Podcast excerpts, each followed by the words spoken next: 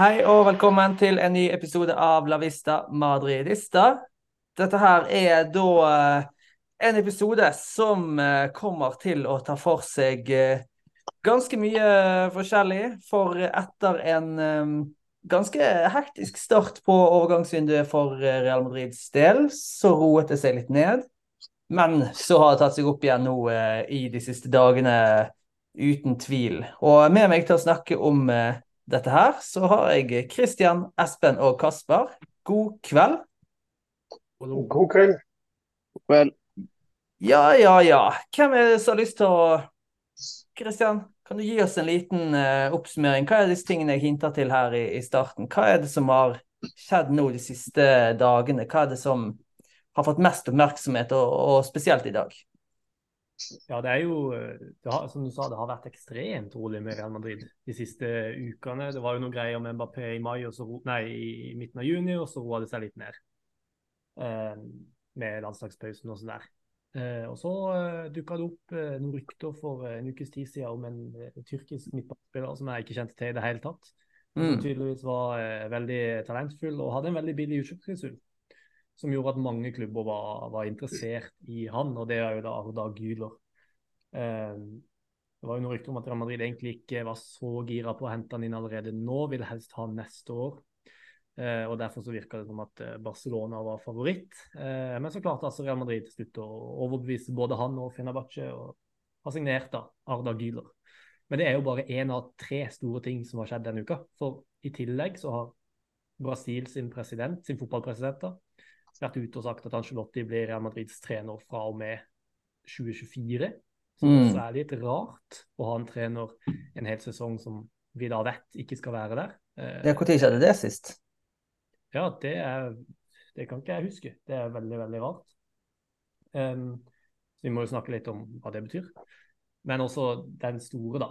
Uh, skilpadden i uh, Paris det, det, det, er jo mye av det samme vi har hørt, da. Eh, men det er jo særlig eh, Nasser Al-Khalifi da, som nå hadde en pressekonferanse i går. I utgangspunktet i forbindelse med Louis Henrique, men eh, det var så vidt jeg fikk med meg at han var i sin trener, altså. For det var andre ting som var fokus på den pressekonferansen.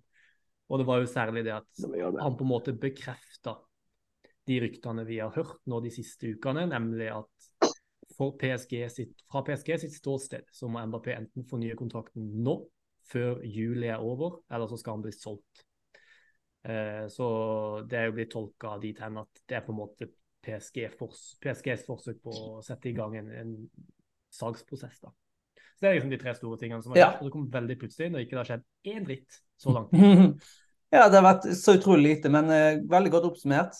Um, som Kasper sier, vi må ha god tid, men um, dere kan egentlig få lov til å bestemme.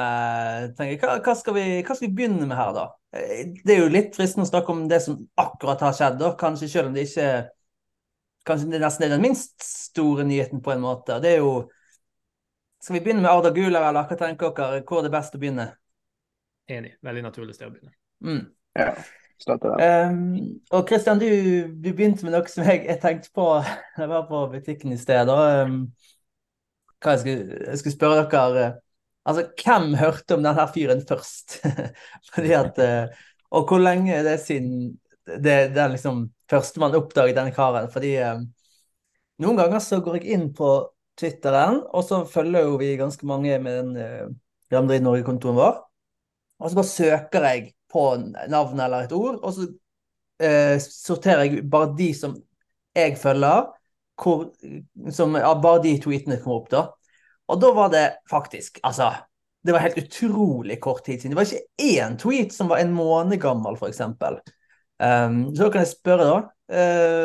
Kristian, uh, du sa vel Ja, du nettopp hørte om han. Espen, Kasper, var det noe annerledes med dere? Nei, eh, det er Vi snakker timer, egentlig.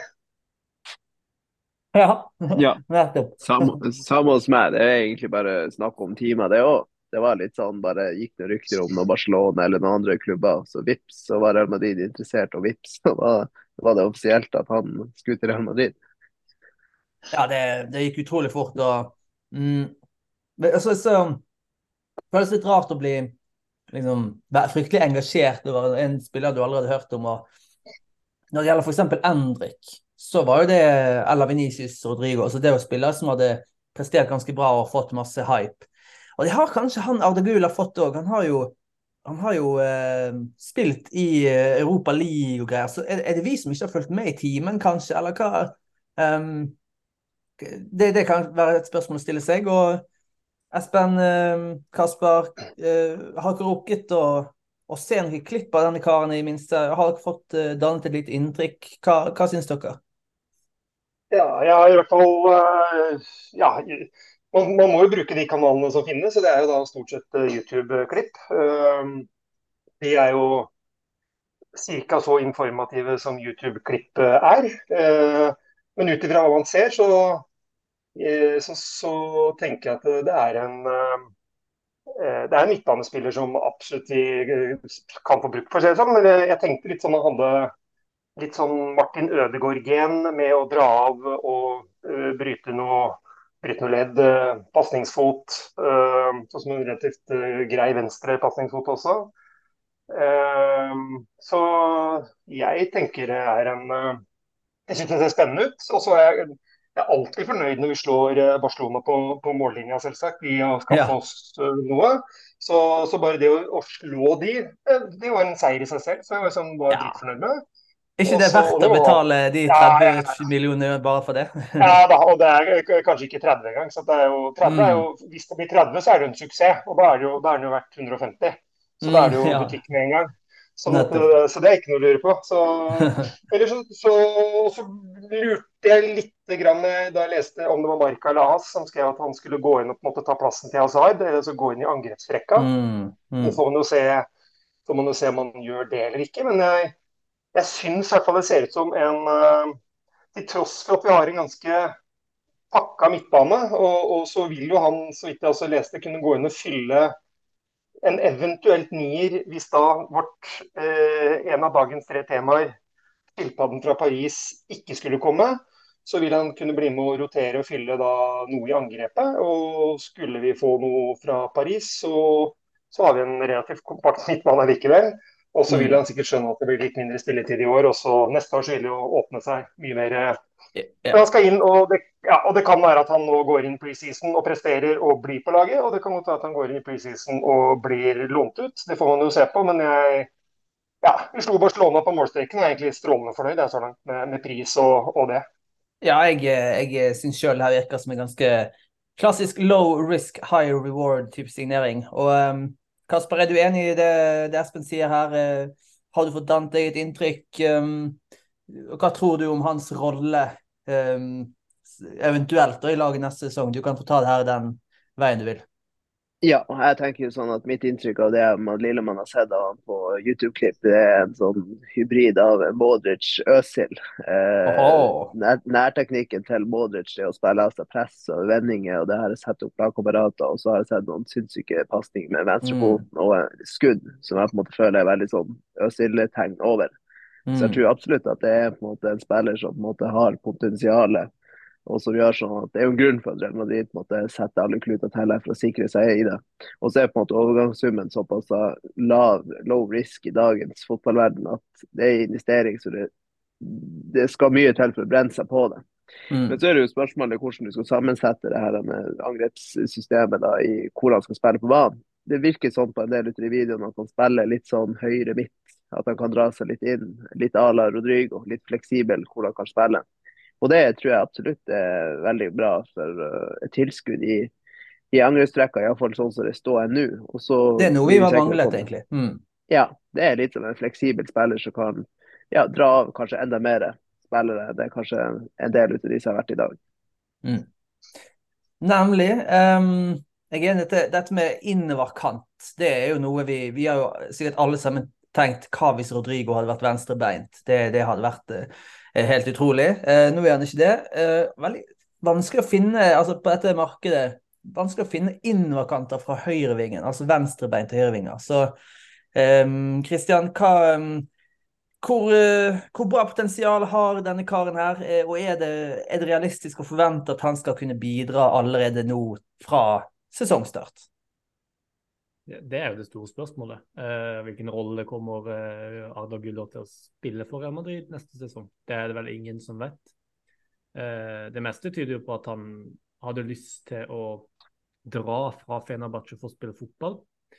altså Real Madrid hadde utgangspunktet foretrukket å låne han tilbake til Fenerbahçe i en sesong, som jeg syns sier litt om de sine opprinnelige planer for han. Mm. Jeg leste noe i dag, jeg vet ikke, jeg husker ikke helt hvor jeg leste om at Real skulle vurdere det. Nei, det var faktisk Lucas Navarrete, som jo har kilder innad i klubben, eh, som skrev at eh, de skal se hvordan preseason går, og så vurdere hans plass i laget etter det. Og vurdere et utlån. Eh, de har ikke lyst til å gå i den samme fellen som de har gjort med, med andre spillere som bare har sittet på benken og ikke fått spilletid. og har lyst til å ikke, De har ikke lyst til å ta et år fra, fra utviklinga si viktig for han å få spilletid. Så det blir jo mm. spennende å se. Eh, jeg tror vi får vite mye i preseason. Men jeg syns også det er viktig å, å, bare være tydelig på at dette her er ikke en spiller som Venicius var da han kom, eller um, Rodrigo, eller til og med Endrik nå. For dette er en spiller som faktisk har spilt fast for Fenerbahçe denne sesongen. Vært en av Fenerbahçes beste spillere i den ja. tyrkiske ligaen som selvfølgelig ikke er den beste ligaen i verden, men det er likevel et brukbart nivå. og Han har også spilt seg inn på det tyrkiske landslaget. Ja, det er allerede. Jeg så han hadde fire kamper, kan det stemme? Ja, og Han har ikke starta alle, men han har starta noen og kom inn fra benken og har også skåret et mål. Ja. Så dette er liksom ikke et, uh, dette er ikke et helt rått talent uh, Real Madrid henter. Det er faktisk en spiller som er litt etablert på toppnivå. Ja. Men hvordan det det, er vanskelig å si hva, hva, det betyr for hans Altså hvordan takler han den overgangen til en topp fem-liga? Det er jo noe helt annet. Um, men det er et potensial der, og en spiller som har klart å spille seg inn så etablert, ikke bare altså, først og fremst bare å spille seniorfotball ja. fast i en alder av 18 år, er ganske imponerende. Og det å gjøre det um, i den uh, tyrkiske ligaen, gjøre det for det tyrkiske landslaget, det sier litt om et potensial uh, som er At han har stort potensial. da. Og så er det jo umulig å si hva som skjer. Han er jo bak Brahim Diaz i køen. Jeg syns det er viktig å, å, huske på det at av spillerne Real Madrid har i troppen, så er jo Brahim Diaz kanskje den som er nærmest i spillestil.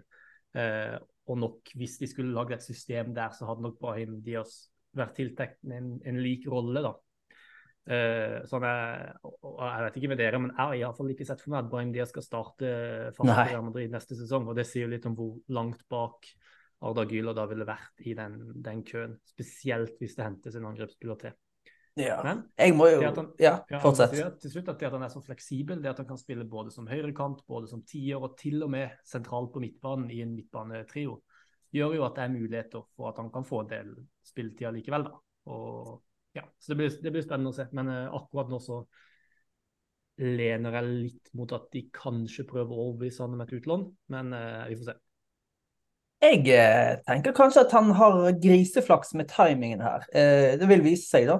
Som du sier, så, så er det jo mulig at um, vi, uh, vi kommer til å få se et utlån, eller hva det skal være. Men altså, alle de spillerne som har forlatt angrepet vårt nå Benzema, ja, Hazard har ikke spilt mye, men han har nå hatt en plass i troppen. Ascencio ut, Mariano. så, så, plutselig da, så har Endre et kjempebehov for angrepsspillere men har ikke nødvendigvis et kjempebehov for startere på vingen. Så, men likevel er det viktig å fylle på med stallspillere, sånn som Brahim og, og Ja, og da, tenker jeg at Arda Guler kan komme inn og faktisk få kanskje overraskende mye spilletid.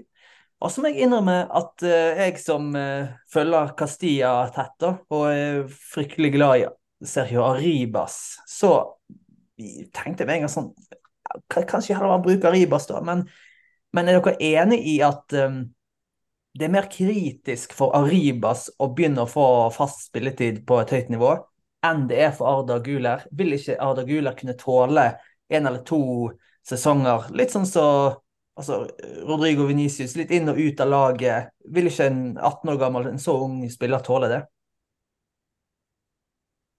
Jo, jeg, jeg, hvis jeg bare skal starte, så jeg, tenker jeg jo det. Og det er jo, kommer jo til å bli litt den der samme innfasinga i laget som det man står med Rodrigo Venicius, tenker jeg er planen i hvert fall. Og altså Sergio Ribas blir 22 i år. At jeg syns det er helt riktig å velge å satse på en spiller som er 18 kontra en spiller som blir 22. Uh, selv om du definitivt kan sammenligne dem både i, i spillestil og, og liksom at de er unge spillere som hadde fortjent en, en sjanse. Men uh, ja, absolutt. Uh, jeg er litt redd for Det er litt annen posisjon, selvfølgelig, men du har jo sett hva som har skjedd med Lunin. Det har jo ikke fungert overhodet like bra som Rodrigo mm. Venicius, men han er jo keeper. Mm. han kan spille én posisjon, og der har Real Madrid verdens beste. og det er fattig vanskelig å få spilt i, og det er flere plasser Ada Güler kan, kan, spille. Men uh, absolutt, jeg tror han vil lære vanvittig mye bare av det å spille for verdens største klubb, trene med de spillerne rundt mm. seg, lære av Modric. Kanskje han har lyst til å se for seg å spille på midtbanen etter hvert. Da lærer han jo mye av Modric. Ikke glemme faktisk det at Modric spilte jo tiår i Tottenham. Og så ble han etter hvert i løpet av sin tid i Real Madrid flytta ned sentralt på midtbanen. Så det er jo mm. det han kan lære av han, kanskje. Så ja. Bare det å være i den atmosfæren vil gi han mye. Eh, og så har han nok sett at med tålmodighet så kan han bli lagets store stjerne, som Venicius nå har blitt. Så jeg tror, eh, jeg tror du har rett i det. Ja. Jeg tenker jo umiddelbart at uh, hvis jeg får skyte inn, da uh, ja. Jeg tenker litt sånn Sergio Arribas, så tror jeg det går mot et utlån. Uh, 22 år, ennå ikke fått sjansen i første troppa ja, jeg tror eh, klubben jobber med å på en måte, få et utlån på han, og det tror jeg han er nødt med tanke på sin egen karriere. Så må han sikkert levere. Kanskje han selges med en eh, klausul om tilbakekjøp og sånn her, à la Carvial og det her. Så mm. jeg tror han må ut av klubben for å på en måte vise at han eh, er verdig nok til å komme tilbake og spille på A-lag. Ja, jeg, jeg, tenker det samme. Og kanskje, selv om jeg hadde veldig lyst til å se Rybas på førstelaget, så tror jeg kanskje at det er det rette. altså. Bare sånn at han skal få vise seg. Eh, i tillegg har ikke Anslotti vært veldig giret på å gi han så mange minutter, så det lover ikke egentlig bra for at han ville fått så mye spilletid. Um, så vi får se. Det, det er veldig spennende med, med, et så stort talent inn. Og um, Real Madrid fortsetter jo da med å bare sope opp disse um, største talentene som de skulle komme over.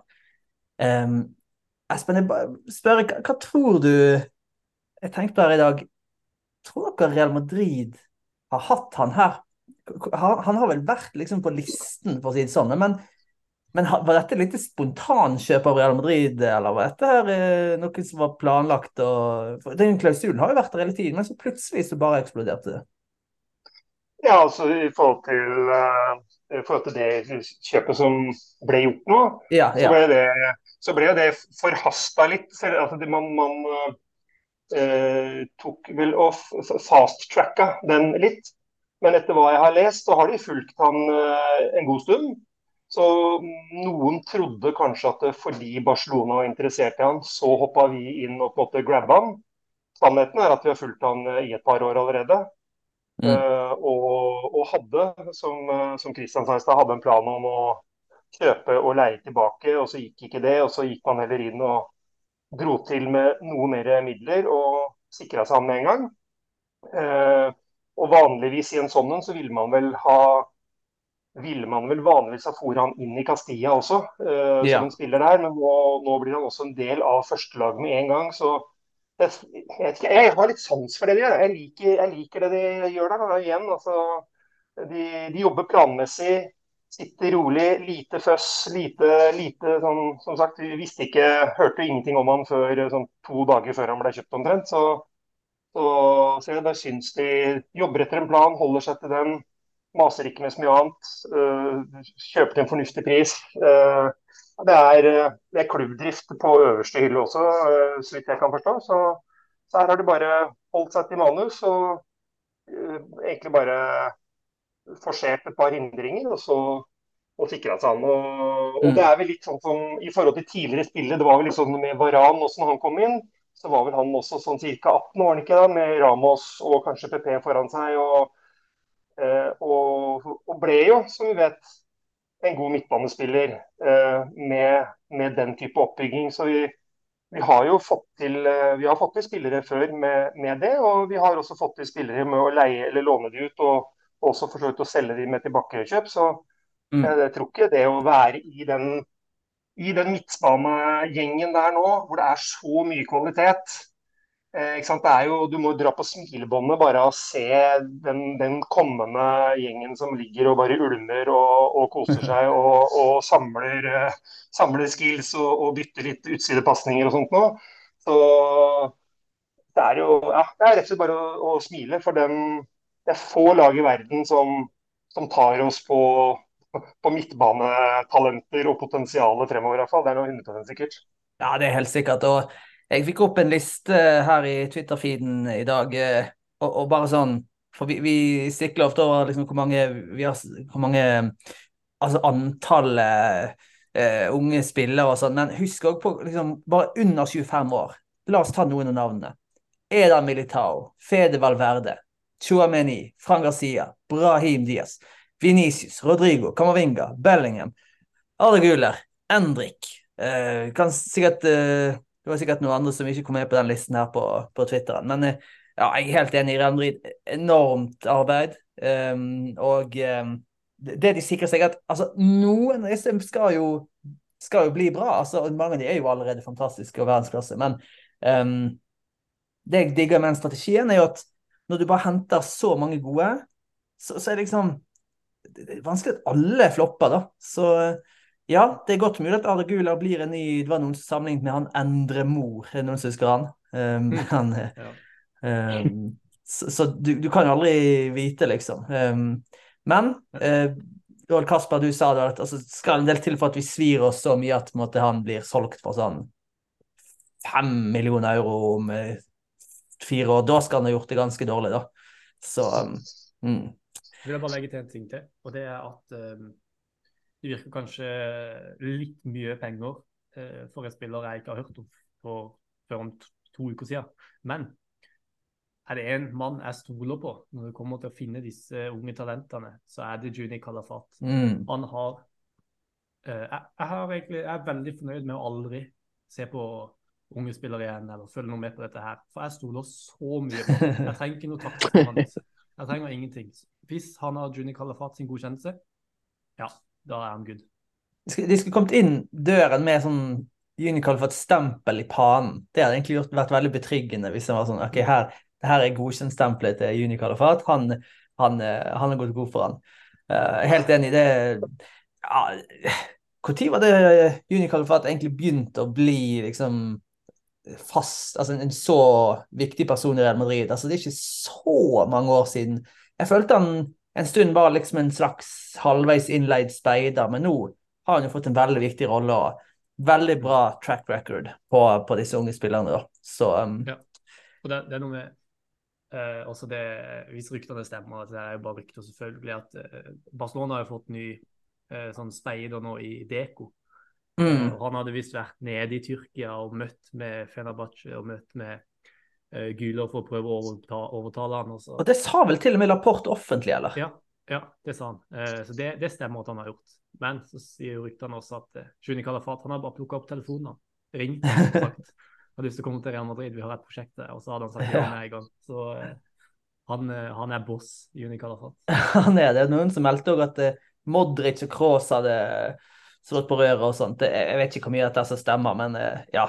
Vi fikk det i boks. Det gikk raskt, effektivt, og nå er han Rendrid-spiller. Vi får se om det er han eller om det er Arribas eller eh, Nico Paz eller hvem det skulle være som skulle eh, være høyrevingen vår om noen år. Mest sannsynlig er det noe Rodrigo, da sikkert. Men uh, uansett, det, det, lover bra, det her. Og um, spørsmålet nå er jo hvor mye spilletid han skal få. Og um, mannen som skal avgjøre det, heter jo Carlo Angelotti. Og han eh, fortsetter litt, Jeg er litt overrasket over hvor eh, lite kontroversielt det er at han fortsetter. Eh, tross alt ingen eh, Champions League, ingen La Liga-tittel forrige sesong. Um, stygt tap eh, mot City. Um, men det ble nok Copa del Rey-triumf, og denne 4-0-seieren på Camp Nou var nok viktig. da, Så Angelotti fortsetter. Um, men hvor lenge? Det Christian, du var inne på det i starten her. Nå meldes det eh, fra ingen ringere enn presidenten for det brasilianske fotballforbundet at ja da, her er det klappet og klart. Angelotti han blir brasiliansk eh, landslagstrener eh, fra og med 2024 og skal lede lag i Copa America og greier. Og ja, første spørsmål.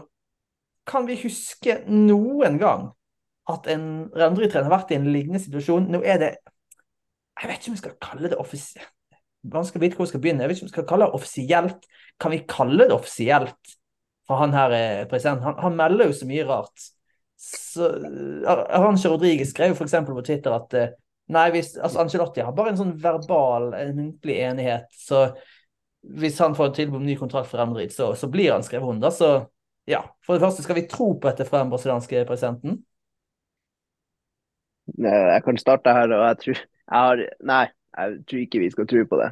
Du, jeg husker tilbake for det er vel 13 år siden det var vel sagt at han Ståle Solbakken skulle ta over det norske landslaget. Ja. og Da hadde vel også en muntlig enighet i 2008, var det ikke det? Så takka han nei. Og så ble han tilbud igjen i 2013 og takka òg nei. Da tok han mm. Høgmo over. Og så gikk det vel åtte år før han faktisk tok over det norske landslaget.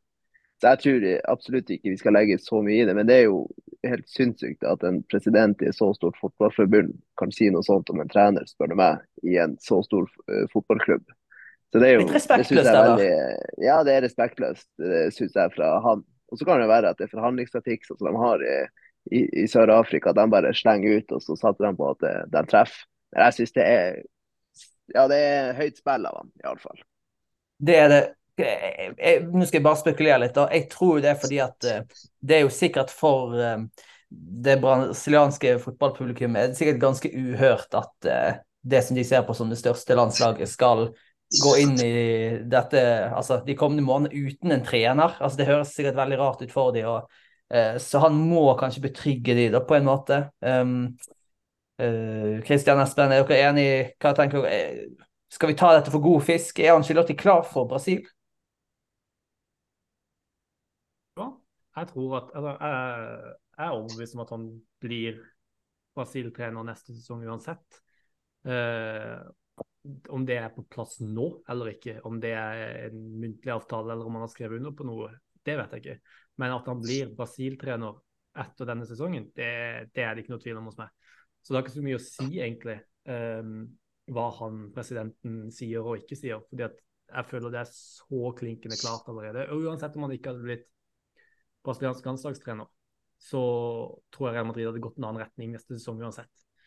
Uh, Men uh, kan jeg utfordre deg raskt på det? fordi at uh, jeg, det, her, det du sier nå, det føler jeg på en måte det er den gjengse oppfatningen. Det er det de fleste er enige om da, blant Real Madrid-fans. At det er ett år til Max van Schlotti. Men la oss si, og de kommer tilbake til det etterpå, da, la oss si at nå, altså etter å ha hentet Bellingham og hentet alle disse gode forsterkningene, og kanskje til og med Bare la oss si vi henter Kylian Mbappé, bare for uh, the sake of argument. Um, så med den troppen Fy flate, så bra tropp vi har da. Altså, oi, oi, oi. Da er det bare høyrebacken egentlig det det står på. Og da mener jeg at Real skal, skal vinne La Liga. Uten tvil. Og jeg mener òg at da burde vi være så godt som favoritter for Champions League. Og hvis Angelotti vinner en av de to, vil, vil ikke Kristian, jeg kan utfordre deg litt på det. Tror du at Real ikke vil tilby han en ny kontrakt hvis han vinner en av de to? Jo, altså For all del, det er vanskelig å ikke, ikke tilby han den kontrakten hvis de vinner.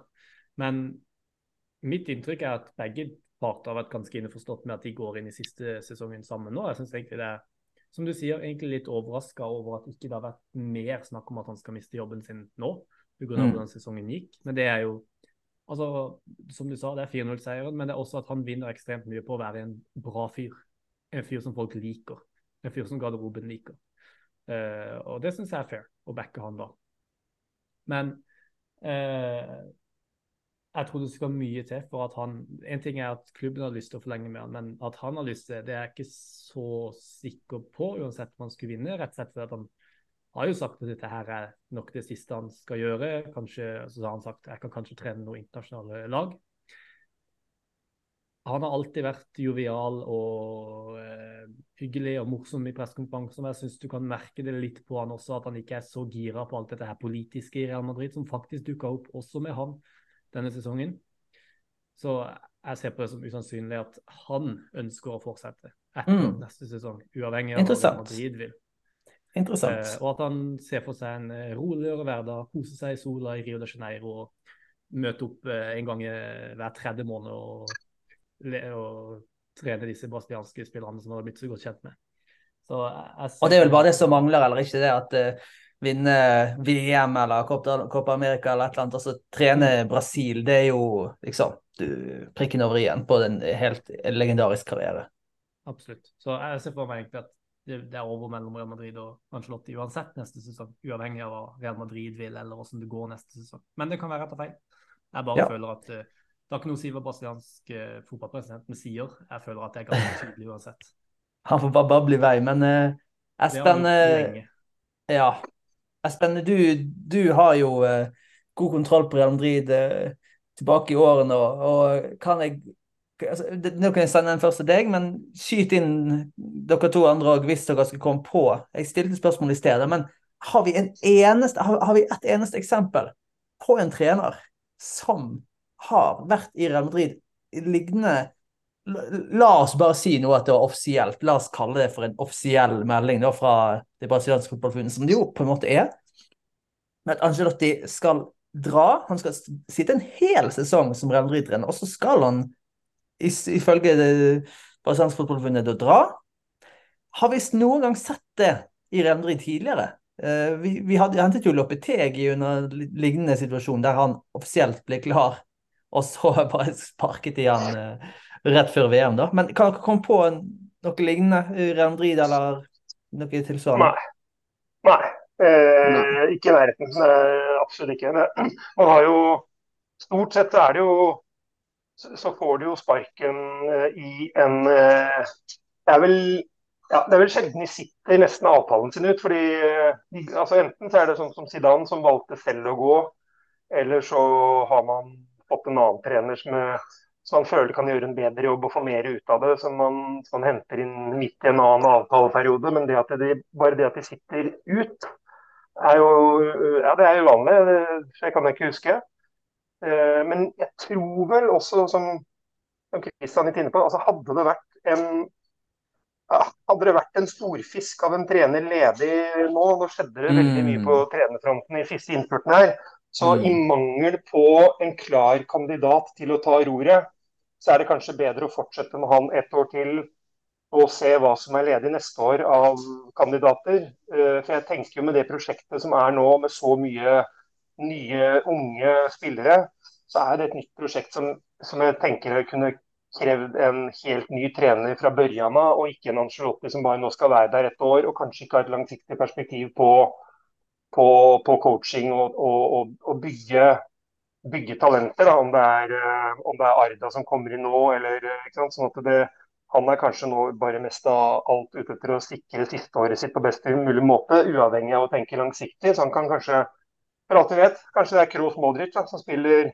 99% av alle kampene på midtbanen igjen. Og så, og så sitter, det, sitter, det, da kommende talenter og, eh, og er litt mugne. Og, og, og, kanskje tar en Martin Ødegaard fordi at de ikke blir brukt. Um, så og håper ikke det skjer. Men, men jeg, jeg, skulle gjerne sette. Jeg skulle gjerne sette en ny mann ved roret, altså, rett og slett nå. Men, men uh, som sagt, det er ikke, ja, det er ikke noen sånn kanskje superklare kandidater kan godt si at vi kan få tilbake til Zidane, eller Jeg skulle gjerne sett at kanskje jeg vet ikke, kanskje Raoul ble dratt opp da, siden det er siste sesongen. Kanskje Raoul blir dratt opp og, og, er med i det teamet som han kan ta over eller hente. Altså, jeg vet ikke, men jeg, ja, jeg er ikke supercomfy med eh, med det vi har der. Men, men altså, han er jo altså, han er en bra trener, selv om han har gjort noe rart. Så, så mm. ja, jeg vet ikke. Det, det, ja, jeg, jeg, jeg, jeg elsker Angelotti sjøl, så jeg, jeg, er litt biased der, kanskje. Men jeg syns det er et interessant poeng du trekker fram her, at kan Hvis det stemmer at Angelotti er egentlig mer eller mindre klar for Brasil, kan det føre til at han blir enda mer konservativ, enda eh, mer kortsiktig, eh, bryr seg enda mindre om utvikling av talenter osv.? Eller Eh, kan det slå andre veien? Fordi at sånn jeg ser det, så de fleste Real Madrid-trenerne som velger å prioritere kortsiktig, gjør det vel fordi at de ønsker å beholde jobben, eller? Eh, og eh, kanskje det at du på en måte tar vekk det presset på at han skal prøve å liksom krige seg til enda en sesong på, på Bernabeu. Kan det føre til at ja, ja, det er ikke så nøye, da. Altså, Jeg er nå uansett ferdig etter sesongen, så kanskje skal kanskje går greit for meg å slippe til en liten unggutt. Eller hva, hva, tenker dere om, om, den, om, den, der, Christian Kasper? Jeg tror jo, eller jeg tenker sånn at Anders Lotti er såpass profesjonell etter en så lang karriere han har hatt i denne bransjen, at han kommer til å stå på helt 100 uh, hele veien fra Real Madrid, helt til den dagen han måtte forlate det uavhengig om han uh, tar over en landslagsjobb eller ikke. Jeg tror mm. han har ønska at han skal ha et sterkt renommé. Han har et vanvittig stort renommé i Real Madrid. Når han fikk sparken sist, så var det jo et ramaskrik i stallen. Spillerne mm -hmm. gikk jo ut offentlig og støtta han. Det har vi jo ja. ikke sett de siste, siste årene iallfall. Så jeg, jeg tror på en måte at hvis han på en måte, La oss si at han på en måte er innforstått med at han skal ta over Brasil, så tror jeg han er, har, kan få en sinnssyk motivasjon til å på en måte avslutte det Real Madrid-kapitlet. At det blir hans siste klubbjobb. At han på en måte kan avslutte den med stil. Og så kan det hende at han står der i mai eller juni neste år, og så står vi der plutselig med, med to-tre store pokaler. Eh, ja. som han har tatt. Og da kan han virkelig sette punktum for en fantastisk trenerkarriere på klubbnivå det er rett for nydelig da, hvis det var sånn det endte. Det skal liksom alltid ende så dårlig med trenerne. altså det siste som skjer når de trasker ut uh, bakdøren, er at ja, det gikk ikke så bra på slutten, liksom. Men nei, det, det hadde jeg elsket. Kristian, hva tror du vil være Angelotti sin uh, strategi nå på den fronten? Uh, vil det, denne Brasil-jobben påvirke noe? og hva, hva, tror du liksom vil være um, sluttproduktet her? Um, hvor mye hvem vil han prioritere uh, i den kommende sesongen? Jeg tror uh, Man kan si veldig mye om Angelotti, men uh, det er ingen tvil om at han er en sta mann. og jeg tror han kommer til å gjøre det han tror er best for Real Madrid. Det han tror er riktig for å vinne kamper. om det er Tony Cross, Luka Modric eller Gyler, det tror jeg ikke han bryr seg så mye om hva de heter eller hvor gamle de er. Det er ikke, men det er ikke nødvendigvis påvirka av at han skal trene Brasil neste år. Det er bare sånn Angelotti er, og det er sånn han alltid har vært. Uh, jeg tror samtidig at han kommer ikke til å føle på noe Altså Hvis Real Madrid skal begynne halvveis ut i sesongen med dette her politiske spillet som de driver med, med å lekke ting til pressen, og så kommer det noen negative saker i marka om han, så tror ikke jeg han bryr seg lenger. Han mm. vet at han har en bra jobb eh, videre, han vet at fansen liker han, at spillerne liker han. Så jeg tror egentlig at han kommer til å være Han kommer til å klare å stå imot dette presset ganske bra uansett. Eh, og jeg tror han kommer til å være veldig profesjonell i måten han håndterer ting på. Han kommer til å gjøre ting som han alltid har gjort. Og det er rett og slett drite i hva alle andre syns, og gjøre det han mener er best. Uh, og det er å, og sånn vinner han kamper. Så Syns det, jeg tror, ja. Mm. ja. Det tror jeg. Jeg syns det er bra, bra, poeng dere kommer her. og um, Jeg vil også bare skyte inn at uh, Angelotti har til tider vært um, kan skal si, i overkant favoriserende av de rutinerte gutta. Men um, samtidig så synes jeg òg at altså, Ikke glem hvordan Real Madrid så ut før han kom tilbake. da. Um, Venicius var ingen starter, Rodrigo var ingen starter, Militao var ingen uh, starter. Uh, Uh, altså Kamavinga har en, fått masse spilletid denne sesongen, uansett hvor det skulle være på banen. Um, ja, uh, kanskje flere jeg um, har, har, glemt. Men um, jeg, jeg, mener at en Real Madrid-trener skal prioritere de beste på en måte, og ikke bare se på fremtiden. Og jeg syns egentlig Angelotti har gjort det ganske bra, faktisk. Kanskje er alltid noe å forbedre, men jeg, jeg tror f.eks. ikke at han bare kommer til å sette Arda Guler på benken i 38 og 38 runder hvis det, han skulle bli værende. Så ja, jeg, jeg, tenker det er en fin ordning. At Angelotti på en måte en um, Hvis du skal ha en som både kan garantere at de konkurrerer om titler, i hvert fall, men òg vil være litt lojal mot prosjektet, så syns jeg at det er vanskelig å finne en som klarer å gjøre begge de to tingene samtidig bedre enn Angelotti. da.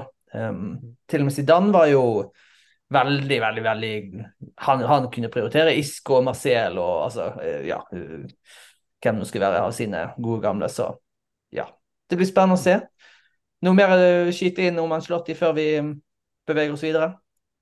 Jeg kan bare skyte inn at jeg syns at de siste halvannet året han har vært i Real Madrid nå, så syns jeg han har på en måte endra seg litt med at han har på en måte sluppet til litt uh, nyere spillere. De har fått muligheten til å blomstre, uh, utvikle uh, seg på det positive i Real Madrid i forhold til det som på en måte var når han var første perioden i Real Madrid. For da kjørte han mm. på med samme lag, sleit det ut. Og så syns han på en måte har tilpassa seg, spesielt de siste kampene, storkampene, tilpassa seg egentlig motstanderen på en veldig bra måte. La opp en god kampplan, overraska veldig mange. Eh, Ref Barcelona-kampen på Camp Nou, der han starta med Kroos som anker, og alle vi tenkte bare det her blir aldri å gå. Og så gikk det, så ble det 4-0-seier. Og så gjorde han egentlig det samme mot City i første semifinalekamp, og det gikk også kjempebra. Men så feila vi, han hadde jo kraftig på Etiad, men det er City, og de hadde de pika alt det de kunne pike i år. Mm. Så jeg tror jeg alle hadde tapt mot City. Mm. Helt enig. Ja, da eh, Da eh, har vi snakket oss ferdig om Ancelotti, kanskje, og vi får se om vi kan trekke han fram videre òg, hvis det skal være aktuelt. Men eh, da har vi egentlig på en måte bygd oss litt oppover. Som sagt, det var ikke sånn at det var minst det er jo på en måte det kanskje minst viktig av de tre tingene vi skal snakke om med Arda Guler. All ære til han, men han er, han er en ungfole, da. Uh, trenerspørsmål er, er, viktigere. Og det som kanskje er det som uh, har opptatt Real Madrid-fansen mest, på, i hvert fall på overgangsfronten, da, i mange år nå, det er jo Kylian Mbappé fra Paris Saint-Germain. Og um, ja trenger ikke noe introduksjon, han, da. Um, trenger ikke å trenger ikke å forklare hva som har skjedd, hva er historikken her. Men um, Christian, du forklarte så bra i sted. Kan du bare gjenta uh, hvorfor, hvorfor, gidder vi Hvorfor gidder vi å snakke om Kylian Mbappé nå? Nå, nå? nå, må vi ha lært, hæ? Nå må vi ha lært. Det, han har sagt nei til oss så mange ganger, og vi har blitt lurt, og vi har fått troen tilbake, og vi har blitt lurt igjen. Så da er det vel bare å la dette gå denne gangen òg, da. Eller er det noe annerledes denne gangen? Jo, det er jo på en måte litt annerledes. Ehm, er, for at man skal få til en overgang, så trenger man på en måte tre ting at skal være på plass. Det ene er at en klubb har lyst til å kjøpe og har penger til å kjøpe. Det andre er at spilleren har lyst til å dra. Og det tredje er at selgende klubb har lyst til å selge. Så lenge det er en kontrakt på plass. Og det er jo det som skiller denne sommeren fra tidligere situasjoner hvor for en gangs skyld så virker det som at alle tre tingene er på plass. Tidligere har ikke PSG hatt lyst til å selge. Så har PSG egentlig ikke hatt noe de, de skulle sagt. og Da har Mbappé hatt lyst. Men nå virker det som at både Real Madrid har pengene, de har lyst. PSG har lyst til å selge. Og det er jo kanskje det som er viktigst her. PSG har lyst til å selge. Og Mbappé eh, har jo lyst til å dra til Real Madrid. Og så ligger diskusjonen her, da. Hvor lyst har han til å dra til Real Madrid? Hvor mye betyr ja. det for han å få disse jeg leser alt fra 50 til 150 millioner euro i mm. lojalitetsbonus hvis han blir over eh, 31.07. Mm. Men det som er viktigste som har skjedd de siste dagene, er at vi har egentlig ikke fått vite så veldig mye mer. Men vi har fått bekreftelse fra Paris, fra Nasser al-Khalifi, at de faktisk har lyst til å selge. Det har jo bare vært rykter, men nå er det bekrefta fra hans, hans side at de, de, har lyst til å selge hvis ikke han fornyer. Og på den måten så liksom bekrefter litt eh, de andre ryktene også, som svirret rundt den samme saken. Er du enig i det? Ja, også det at han sa um, at han har to uker på seg til å bestemme seg, mm -hmm. tyder for meg på at um, denne lojalitetsbonusen er reell. Mm. At den får han 1.8 hvis han blir. Mm. Uh, og at det er et problem der. Jeg skjønner at Kylian Mbappé har lyst på de pengene, men uh, jeg tenker at han har nok penger og at han kanskje ikke hadde trengt de, og at han bare burde, hvis han hadde lyst til å dra, så må han bare dra. Men det er jo til syvende og sist det det kommer til å stå på her. da, fordi at PSG kan gjerne si at de vil selge, og at de skal selge, og at uh, Mbappé kommer aldri til å forlate denne klubben gratis. Ja. Til syvende og sist så har de egentlig ingenting de kan gjøre. De kan ikke tvinge han til å dra. De kan ikke pakke han inn i en koffert og sende han til Real Madrid. De, kan ikke tvinge han til å signere en ny kontrakt heller. Kan ikke tvinge han til å gjøre noen Nei. ting, som du sier. Nei, og jeg, nå, skal jeg være litt, nå skal jeg ha litt skadefryd her, men jeg syns det er fantastisk gøy å se at PSG nå har tilbudt han en kontrakt de ikke har muligheten til å gjennomføre. Det er jo åpenbart her. De har tilbudt han tidenes største kontrakt i fotball.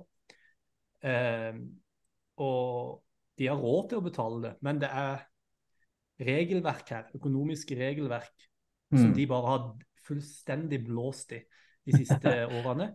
Og jeg synes det er deilig å se at nå sliter de faktisk med å eh, følge de reglene. Mm. Til og med selv har vært med på laget eh, hvis Mbappé går gratis. Og at de nå er liksom desperate etter å selge verdens beste spiller til Real Madrid. De kommer til å komme krabbende på knær til Florentino Perez. Kan du være så snill å kjøpe Mbappé fra oss? Det er en vending jeg ikke hadde sett for et år siden, for å si det sånn. Nei, men her Det her det er flere ting som skurrer for meg, men det er her det kanskje skurrer mest. Hvorfor er de nå blitt så opptatt av financial fair play og, og krise nå, hvis ikke de får han til å, til å forlenge? Um, og, og, altså, For to, to, år siden var vi i nøyaktig samme posisjon. Da tilbød Real Madrid 200 millioner euro i, i sluttdagene av overgangsvinduet, og kanskje flere uker tidligere. altså det var ingen tvil om at MPP ville dra. Det gikk han ut offentlig og sa etter at uh, var stengt. Real Madrid var eh, helt klart de, de ønsket uh, Mbappé, men da, da, var det ikke aktuelt å selge han.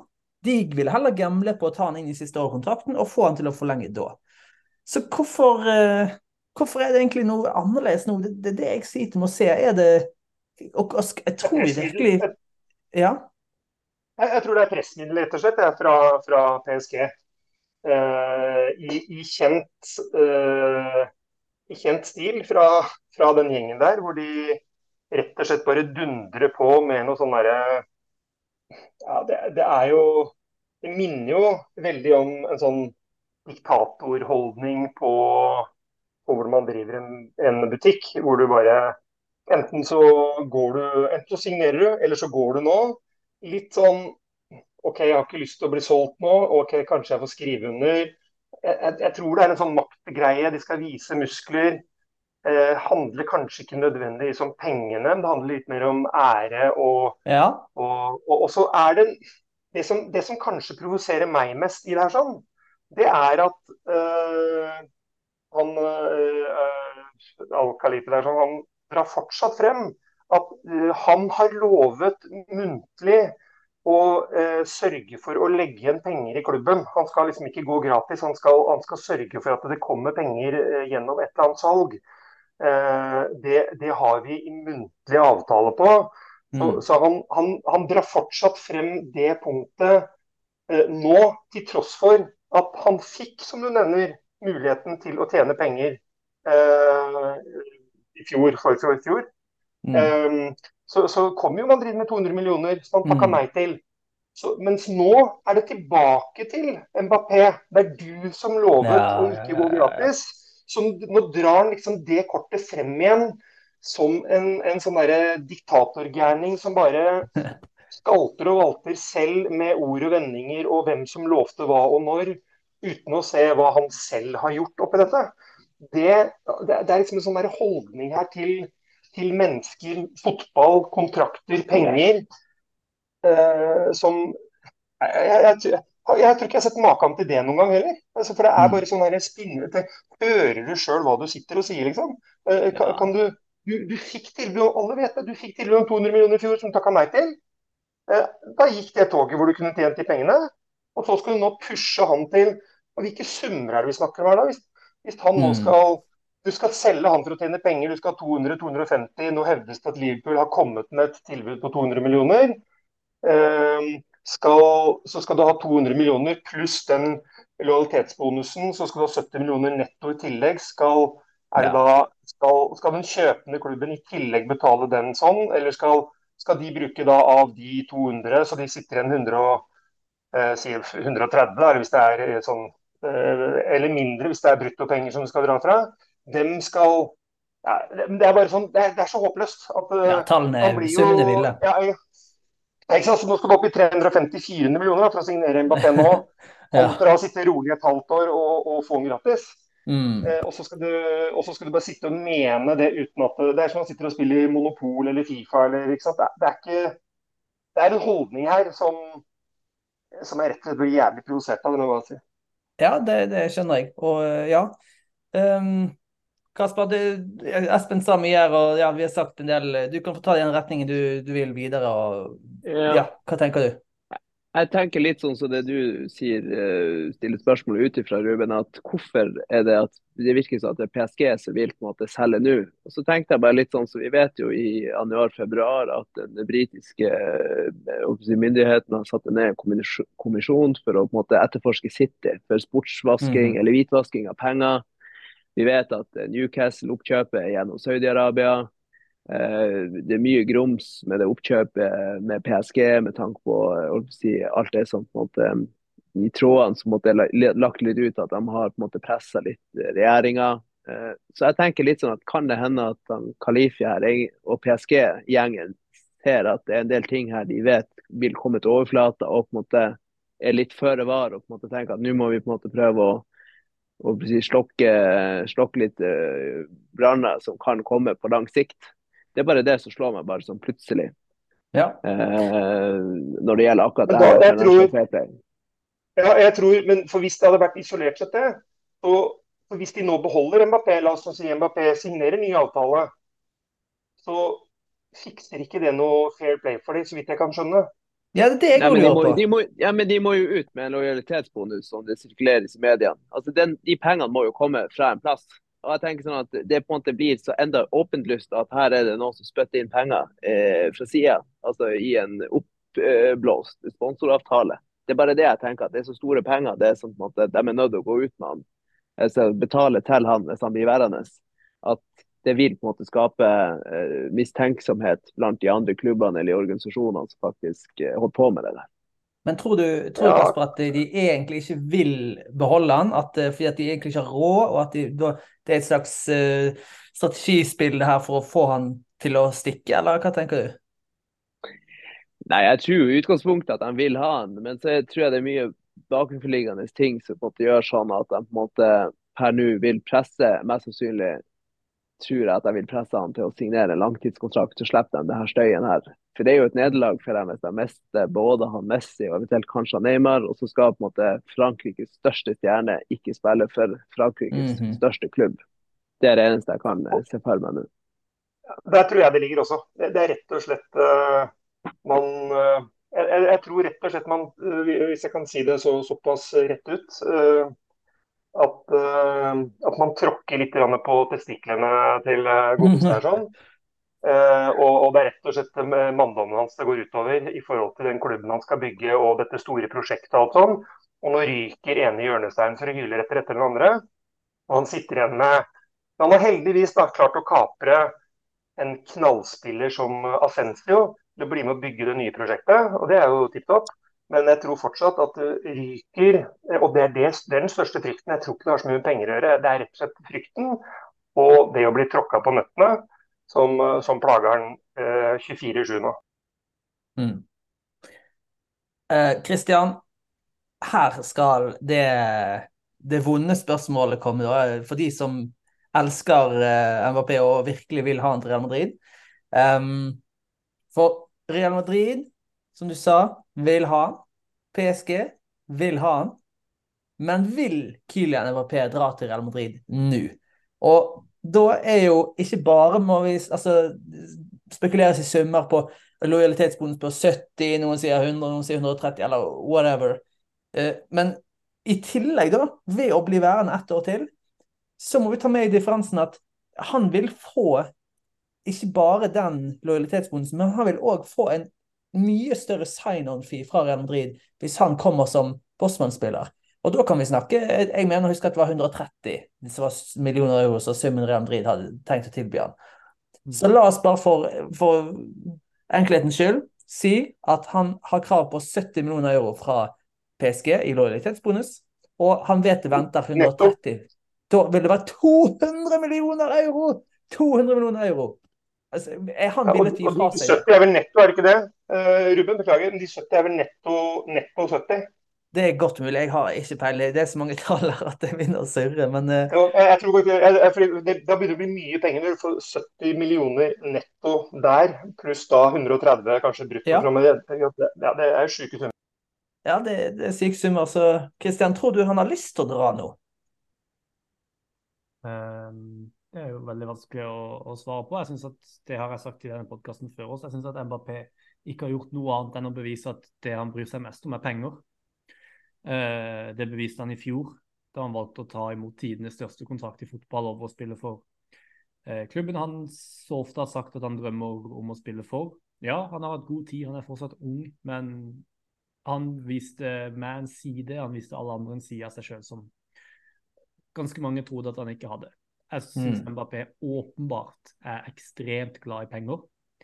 Eh, hvis det stemmer at han ikke har lyst til å forlenge med PSG pga. han er ikke enig i retning av prosjektet går i, fordi at han har lyst til å spille for Real Madrid, så skjønner jeg ikke hvorfor han skal tvinge gjennom en sesong til i Paris, eh, kun for å få mer penger. Det betyr også at han, som du sa, vil få mer penger eh, av Real Madrid neste sesong. Så i realiteten, hvis du ser på det sånn at han faktisk ønsker å være ut kontrakten sin i PSG, så betyr det at han gjør det, sånn at han skal sikre seg så mye, så, så mye penger som mulig ut av denne overgangen. Og sikre at eh, ja, altså, altså, så mye som mulig havner i hans lomme, og ikke i lommene til klubbene. Mm. Det er egentlig det som er i ferd med å skje. Det er det som virker som at han ønsker. Og er for så vidt OK med at pengene havner i lomma til Mbappé og ikke PSG. Det må jeg bare si ja. med en gang. Uh, men jeg er ikke noe glad i det spillet som foregår her. Det, jeg tror jo at dette her er et genialt triks fra Mbappé, hvis det faktisk stemmer at han har lyst til å dra denne sesongen. Um, for da, da, er strategien hans genial. Men hvis dette her er et spill for å få så mye penger som mulig ut av den overgangen, så syns jeg at Real Madrid godt kan se andre steder. Uh, mm. For jeg er veldig lei av dette her spillet som åpenbart kun handler om penger for han. Det, ja, jeg, jeg, har kjent på den følelsen ganske hardt, og jeg skal innrømme det at eh, ja. Åh, det, det, har vært eh, jeg, jeg ble faktisk oppriktig Jeg fikk en skikkelig ond følelse i magen når jeg så at nå skal dette her bli en ny sak. For jeg, jeg, jeg var så lei av nå. På en annen uh, podkast sa jeg at uh, faktisk Jeg vet ikke, hardt å si, men at Mbappé er nesten den spilleren jeg misliker mest i hele verden. At, at det som skjedde i fjor. Um, men det er vel bare en sånn For det er et annet spørsmål. Altså, OK, skal vi bare ta et i kor, da? Ja, fra de, alle de som er lei av denne saken? Ja, jeg er lei. altså, alle, alle, som er lei, mm. sier ja nå. Ja. Ja. Så poenget mitt, poenget mitt, med dette lille koret var at eh, hvis han skulle forlenge med to år til Det er jo det jeg er litt sånn redd for, at nå skal han inngå en sånn muntlig avtale med PSG om at ja, jeg skal uh, forlenge med litt, og så kan jeg få bonusen min samtidig som dere får penger neste sommer. Et eller annet sånt eh, piss, da. Så må vi òg innse at uh, så lenge Kylian Mbappé er under sånn 28-29 år, og han er tilgjengelig for Real Madrid, så vil de gå etter han. Det er det ikke så enkelt. Hvis han forlenger nå PSG, så tror jeg det at da er den døra lukka til Real Madrid altså? forever. Ja, da er jeg ikke i tvil, for da tror jeg Real Madrid kommer til å posisjonere seg for han Erling Braut Haaland. Eventuelt andre stjerneskudd som vil utvikle seg inn de to-tre årene. Men en kid Mbappé på free transfer, vanskelig å si nei til det, da? Ja, men hvis du har han brøytebasen frem på toppen, altså, da takker vi nei til han Kylian Mbappé. Du kan si hva du vil om han Erling Braut Haaland og kanskje Våten, Men de har jo lagt en vanvittig fin strategi de på en måte har fokus på å spille fotball. Det er aldri noe støy rundt dem. Det er det jeg syns er det er forskjell fra Mbappé. for at alle de store stjernene som har vært opp gjennom årene, ja, alle har hatt måte, sine rykter og spekulasjoner, men til syvende og sist har de på en måte det har det løst det. Mens Mbappé har liksom en, det er en saga som har gått, opp, gått over i to-tre år. Det er så sinnssykt spesielt, spør du meg. Ja. Derfor er jeg på en måte lei saken. Jeg, jeg kan ikke sette ord på hvor lei jeg er, men uh, ser jeg kanskje lys i tunnelen, da. Men jeg, jeg, er fortsatt litt, uh, ja, som jeg sa, litt uh, litt overrasket hvis MFP bare skal Ja, ja, 200 mill. Ja, ja, drit i det. Jeg kommer nå, jeg. Altså, det kan jo hende Skal sies at i fjor så så jo ting ganske mye bedre ut for, for PSG. Da var det jo dette ja, Nå må dere hjelpe meg litt her, men Messi, han altså han var nå fortsatt skulle spille en sesong til. Um, Og det var jo dette greiene Nå kom jeg på at, at han hadde jo blitt lovet gull og grønne skoger og skulle omtrent være sportsdirektør, og han skulle være ditt og datt, og det var ikke måte på hvor mye de skulle forsterke seg med Lewandowski eller hva det var, og ja, um, alle mulige spillere. Så er det kanskje Kan jo hende det spiller inn òg, at han bare ser at prosjektet er mer dødt enn noen gang. Det tror jeg. Uh, det sier litt når de går fra de, Ryktene sier jo at de er ganske troverdige kilder også, melder at de er veldig forberedt på å selge Neymar i sommer. Mm. Messi er allerede borte, og de erstatter han med Marco Sensio. Ja, det, det vil virkelig være end of an era for deres del. Ja, eh, er, så vidt jeg har fått med meg, så er det ikke noe rykter om en superstjerne i angrep.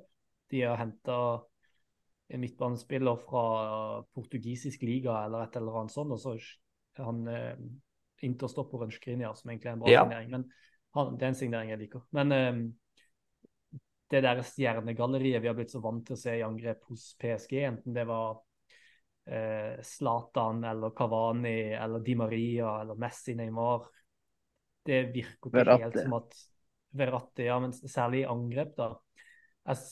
Det virker jo som at det er på vei, på vei bort. Og det kan være at han ser det. Eh, det kan være at PSG tenker at faktisk så har vi brukt for mye penger på én spiller nå, eh, og vi må spre det litt utover. Jeg vet ikke. Det er iallfall en klubb som rakner. Det er en klubb i kaos. Jeg kan se for meg at det er noe av grunnen til at Mbappé har lyst til å. Mm. Absolutt. Louis Campo Campos det de jo inn. Skulle være, han skulle jo være redningsmann, frelseren. Har jo bare bomma på alle signeringer. Han traff på han der eh, Nuno Mendes. Venstre, ja, da, ja. Det, så har han jo bare bomma. Um, så ja. Jeg forstår veldig godt hvis Mbappé har lyst til å ut av den klubben. Ja, for Det er begrensa hvor, hvor, hvor, mange ganger du klarer å Hvis, hvis jeg nå hadde solgt inn et prosjekt til dere, og så jeg skal få inn den, den og den, og liksom, få med alle på at ja, dette høres dritkult ut, det prosjektet her. Og så går det et år, og så ble det ikke som vi håpet. Og så, så begynner måte, de største spillerne å forlate, og så skal jeg stelle inn til dere igjen. Ja, nå, nå har jeg prosjekt nå, hvor du vet allerede ja, at du har både Messi, Neymar og Mbappé i klubben. Så klarer man ikke å stelle inn det flere ganger. Og jeg tror heller ikke altså, det er litt sånn Mbappé, nå har jeg hørt det. Det klarte jeg ikke å innfri. Bare gi meg pengene mine som er i kontrakten, og så hopper jeg videre til et annet prosjekt. Så, så det er klart det er der. Og så har du da eh, noen eiere som, som, nå ser at det prosjektet ryker, så de gjør alt de kan for å beholde. Men jeg, jeg tror eh, den demningen, den eh, har først fått en sprekk i demningen, så, så må du enten tappe eller så, så brister den. og der, der, tror jeg det er full brist på. Det, jeg, jeg, tror ikke det er noen vei utenom, rett og slett. Men, eh, mm. vi får se. men igjen, skulle vi få um, Mbappé, så er jeg fortsatt usikker på kontra en Haaland, da, som er tydeligere med Haaland i midt og ja. f.eks. Rodrigo og, og Venicius. Så skal vi nå spille med dobbel venstrekant og en, mm. en løs høyrekant, liksom? Eller hvordan, eh, hvor, hvor, god er den tri... Altså, hvis vi legger så mye energi i den trioen på topp, hvor kompatibel altså hvor, hvor er rollene faktisk? Hvor tydelig er det? Altså, og vil det da fungere med, med, tre stykker som egentlig skal spille på venstre side, og så må du plassere de andre steder, for du må, du må bare ha de andre steder? Eller hvordan mm. kan godt sette Nei, Mbappé kan sikkert spille i midten og sånn, men um, for ikke snakke om ja, at så, så, ja. uh, Må ikke glemme at han har til og med gått ut og sagt at han vil ikke spille alene spiss. Det har han sagt tidligere. Han vil spille med en sånn Giroud-type på topp. Ja, så, så, når vi nå, Det er såpass mye styr eh, og så mye greier med å få han til klubben. Og skulle vi da faktisk få til klubben, så begynner jo neste problem. Hva faen gjør vi da? Ja, ja det, det syns jeg òg er interessant å diskutere. Det, jeg, jeg, tror jo at etter 14 år med Karim Benzema på topp, så har vi tatt litt for gitt hvor, um, hvor, hvor viktig han har vært i å få angrepet til å fungere, hvordan han har bindet opp midtbane, angrep, dratt med vingene inn i spillet. Um, og, og, bare vært helt sinnssykt viktig, da. Um, se for deg altså semifinale Champions League med en uh, tøff stopper i ryggen. Um, holder, holder, uh, holder, stopperne vekke og får sluppet han videre ut til, til vingen perfekt.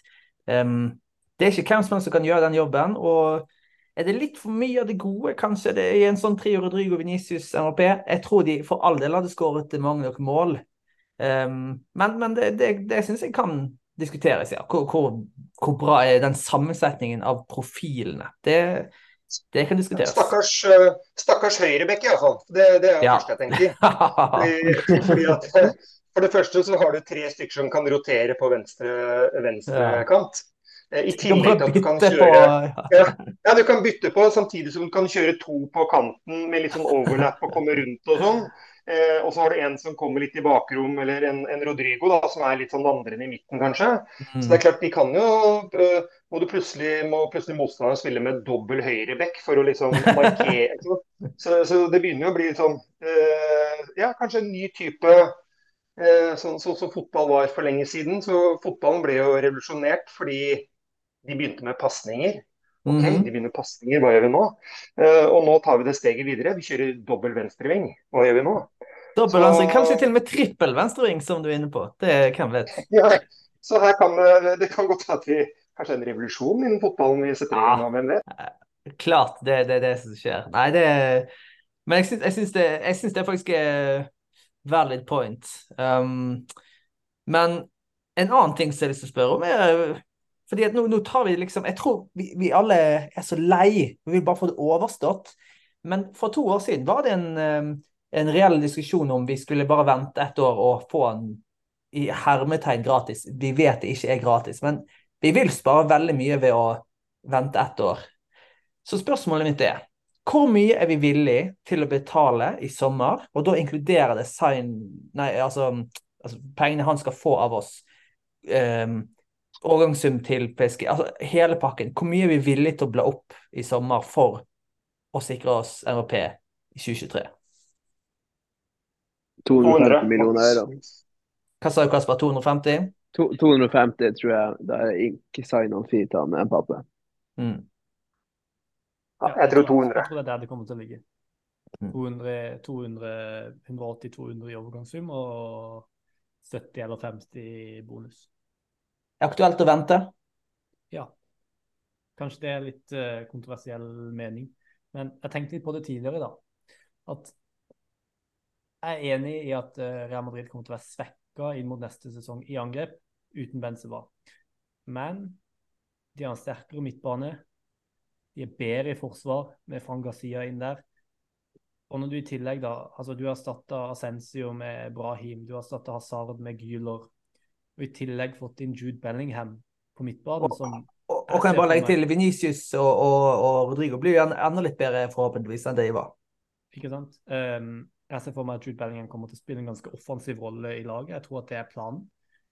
Uh, jeg, og i tillegg Roselu, som mm -hmm. til syvende og sist er en spiller hvis han start, hvis, altså, Jeg tror ikke det kommer til å skje, men hvis Roselu hadde vært Real Madrid starterspiss neste sesong, så hadde han skåra 15-20 mål. Det er jeg mm. nesten overbevist om. for De gjorde det jo for Español òg, så ja. ja ikke sant? Det tror jeg. Så jeg tror at Real Madrid hadde klart seg neste sesong med den troppen de har nå. Og så er spørsmålet skal Real Madrid bare klare seg. Eh, de skal jo selvfølgelig vinne alt de skal spille, og de, jeg tror ikke de kommer til å vinne noe Champions League eller La Liga med Joselu som, som starterspiss, men de, de hadde klart seg greit, tror jeg. Og jeg mener at det er aktuelt å vente. Og faktisk også det å gi Rodrygo muligheten til å spille en sesong som spiss. Mm. Gi han den sjansen, for hvis han plutselig skårer 25 mål neste sesong, så forsvinner kanskje det behovet for Mbappé litt. ikke sant? Jeg bare ja. tror at det, det, kan være verdt det å vente.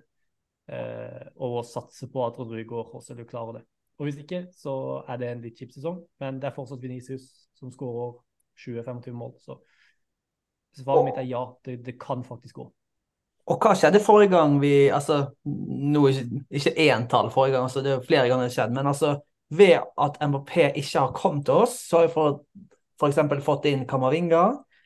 Eh, han har neppe kommet, tror jeg, uten. Eh, Chuameni eh, Ikke at han har blitt en så stor sneg, men OK. Så tror jeg òg at eh, Venicius hadde jo aldri blitt jeg tror, eh, Vinicius hadde vel rett og slett ikke blitt en Real Madrid-starter, tror jeg. For at eh, eh, venstrevingen hadde vært opptatt. Og Venicius virker som en spiller som sliter med å spille andre steder enn akkurat på venstrevingen. Så, så ja, godt poeng. Hva, hvis, hva, vil skje hvis vi bare lar Rodrigo få en hel sesong, og med de smertene det vil med, altså voksesmertene, da, det vil jo det være. Men um, kanskje han klarer å tilpasse seg raskere enn vi tror. og ja, hadde vært interessant å se hva, hva som hadde kommet ut av det. Og nå, nå tar vi for gitt at Real Madrid vil hente MRP nå i sommer, men eh, hm. hvis MRP er så skråsikker på å dra, så ett år fra eller til, både for han og for Real Madrid, tja, hvem vet. Um, men det som jeg syns Jeg husker ikke om dette er blitt nevnt ennå, men det som er i hvert fall utrolig viktig her nå, det er at um, PSG er på en måte de som ser ut til å være de som må uh, strekke ut hånden først den klubben som går til den andre klubben for å starte forhandlingene, vil jo ha en utrolig altså Det vil ha en utrolig fordel å være den som blir eh, kontaktet. Fordi da kan du si ja, de får styre forhandlingene, mer eller mindre, da. Um, så det, det syns jeg er litt undervurdert poeng òg, eh, midt oppi det. Det, det blir spennende å se hvordan det utvikler seg videre. Er det nå noe vi ikke har ja, ja. Eh, touchet innom? Jeg hadde bare lyst til å skyte inn at jeg syns Christian kom med noen gode poenger i det siste han sier. der, At Real Madrid er veldig godt rusta eh, bakere og, og forsterka på midten. Så jeg tenker litt sånn at ja, kanskje hvis PSG strekker ut hånda, så er man villig til å høre hva de sier, og kanskje klarer å få jekka ned prisen eh, mye. Hvis ikke så overlever man og på en måte går i sesongen i møte med å satse på at de stjernespillene man faktisk har, som er store talenter, tar et steg eh, tar på et høyere nivå og på en måte klarer å levere enda bedre. Så ja, jeg er litt sånn 50-50 på nå om, om man kommer eller ikke. Men jeg tror Real går inn i den nye sesongen uten en pappe på topp. Mm, interessant. Og fin måte å avslutte på, kanskje. Kasper tror ikke ja, tror jeg... Kylian MP starter neste sesongs Real Hva tror du, Espen? Nei, jeg, jeg, tror ikke det. Men jeg tror samtidig Det er jo det er ikke noe tvil om at uh, tiden er på vårt lag. Fordi mm. vi må ikke kjøpe. Uh, eh, PSG må selge. Og når det er noen som sier at jeg må selge, og du har en kjøper som ikke må kjøpe, så er prisen nødvendigvis på kjøpers side. Og tiden eh, er jo også på vår side, fordi vinduet stenges jo om ikke sånn kjempelenge. Eh, og så kan det selvsagt være at det kommer noen andre inn på banen, men hvis da Kylian Mbappé fastholder at han vil til oss, så, er det bare å sitte rolig. Og så, og så tar, vi inn, tar vi inn i år, så blir det til en gunstig deal for oss. Eh, eller så tar vi det neste år. Eh, så det er bare å sitte helt rolig. så jeg, jeg, det er ikke noe krise sånn som vi er nå. Det, det føler jeg ikke. Jeg syns vi har gjort, uh, synes vi har gjort god, uh, et godt vindu, rett og slett. Uh, bortsett fra den jækla høyrebekken, som jeg syns er et stort hull. Så, så syns jeg vi har gjort en bra greie. Og at vi mista Benzema er òg stort tap, ja. Mm. ja. ja. det er et stort tap, men hadde, liksom, han, han, er jo 97 år gammel, liksom, så han ville miste han før eller senere likevel. Så det er liksom ja. ikke noe sånn å, vi mista en han, han når neste år. Det er, ikke, det er liksom ikke der ligger. Det hadde vært fint å ha den. Eh, samtidig som han har heller ikke vært på sitt beste. Så vi, vi, ja, når vi sier Benzema, så er det på en måte et, et, et speilbilde av mm. Benzema mm. for kanskje et par år siden, eller et par sesonger siden. Ikke nødvendigvis det vi så i fjor, med skader og sånn. sånn at uh, det er mye forutsetninger som ligger i det Benzema-speilbildet vi nå projiserer til denne som vi savner i år, kanskje. For det, det, er ikke sikkert det er den vi savner. Uh, så det, det, er bare et navn vi savner. Men uh, det tror jeg ikke er nisje. Og så er det jo litt på keeperplass, men der har vi også så vidt jeg har fått med, der har vi også Kamavinga som kan steppe inn og ta keeperjobben hvis det skulle dra seg til der. Uh, hadde jo noen helt sjuke redninger på noen sosiale medieklipp. Ja, det var helt utrolig. Og, Sånn at, øh, og det er Ancelotti som har vært inne og coacha deg eller ikke, vet ikke jeg. Det er i tilfelle godt, øh, godt coacha også på keeperplass. Men ja, vi, vi, er godt skodd all in all, bortsett fra høyrebekk. Uh, får man kanskje på plass det også, jeg vet ikke. Men her er det bare å sitte rolig og vente i båten. Og så tenker jeg vi enten snapper opp en Mbappé på billigsalg, eller så får vi en enda billigere neste år. Og så har vi uansett et lag for framtida som skal bli med å kjempe om det meste. Det er jeg ganske trygg på. Det, det, tror vi føler oss ganske sikre på, ja. Så da har vi fått eh, nei, nei fra Kasper og Espen og Christian. Spiller Kylian Mbappé i Real Madrid når eh, ja, neste sesong er i gang? Altså, jeg vil jo bare si det at da vi satt her i, i juni og prata om at eh, Benzema var ferdig, og at Real Madrid skulle hente Kane eller uh, Kai Havertz eller hvem enn det var, så trakk jeg et navn ut av hatten der som alle bare lo av meg for. Ja. Og det var uh, Kylian Mbappé. Så mm -hmm. jeg skal stå fast på at uh, jeg tror dette kommer til å skje. Du, du, skal faktisk ha den. Jeg husker at uh, ja, jeg var helt sikkert den som lo av det, fordi jeg, jeg syntes det var så uaktuelt. Um... jeg tror du lo høyest, ja. Det...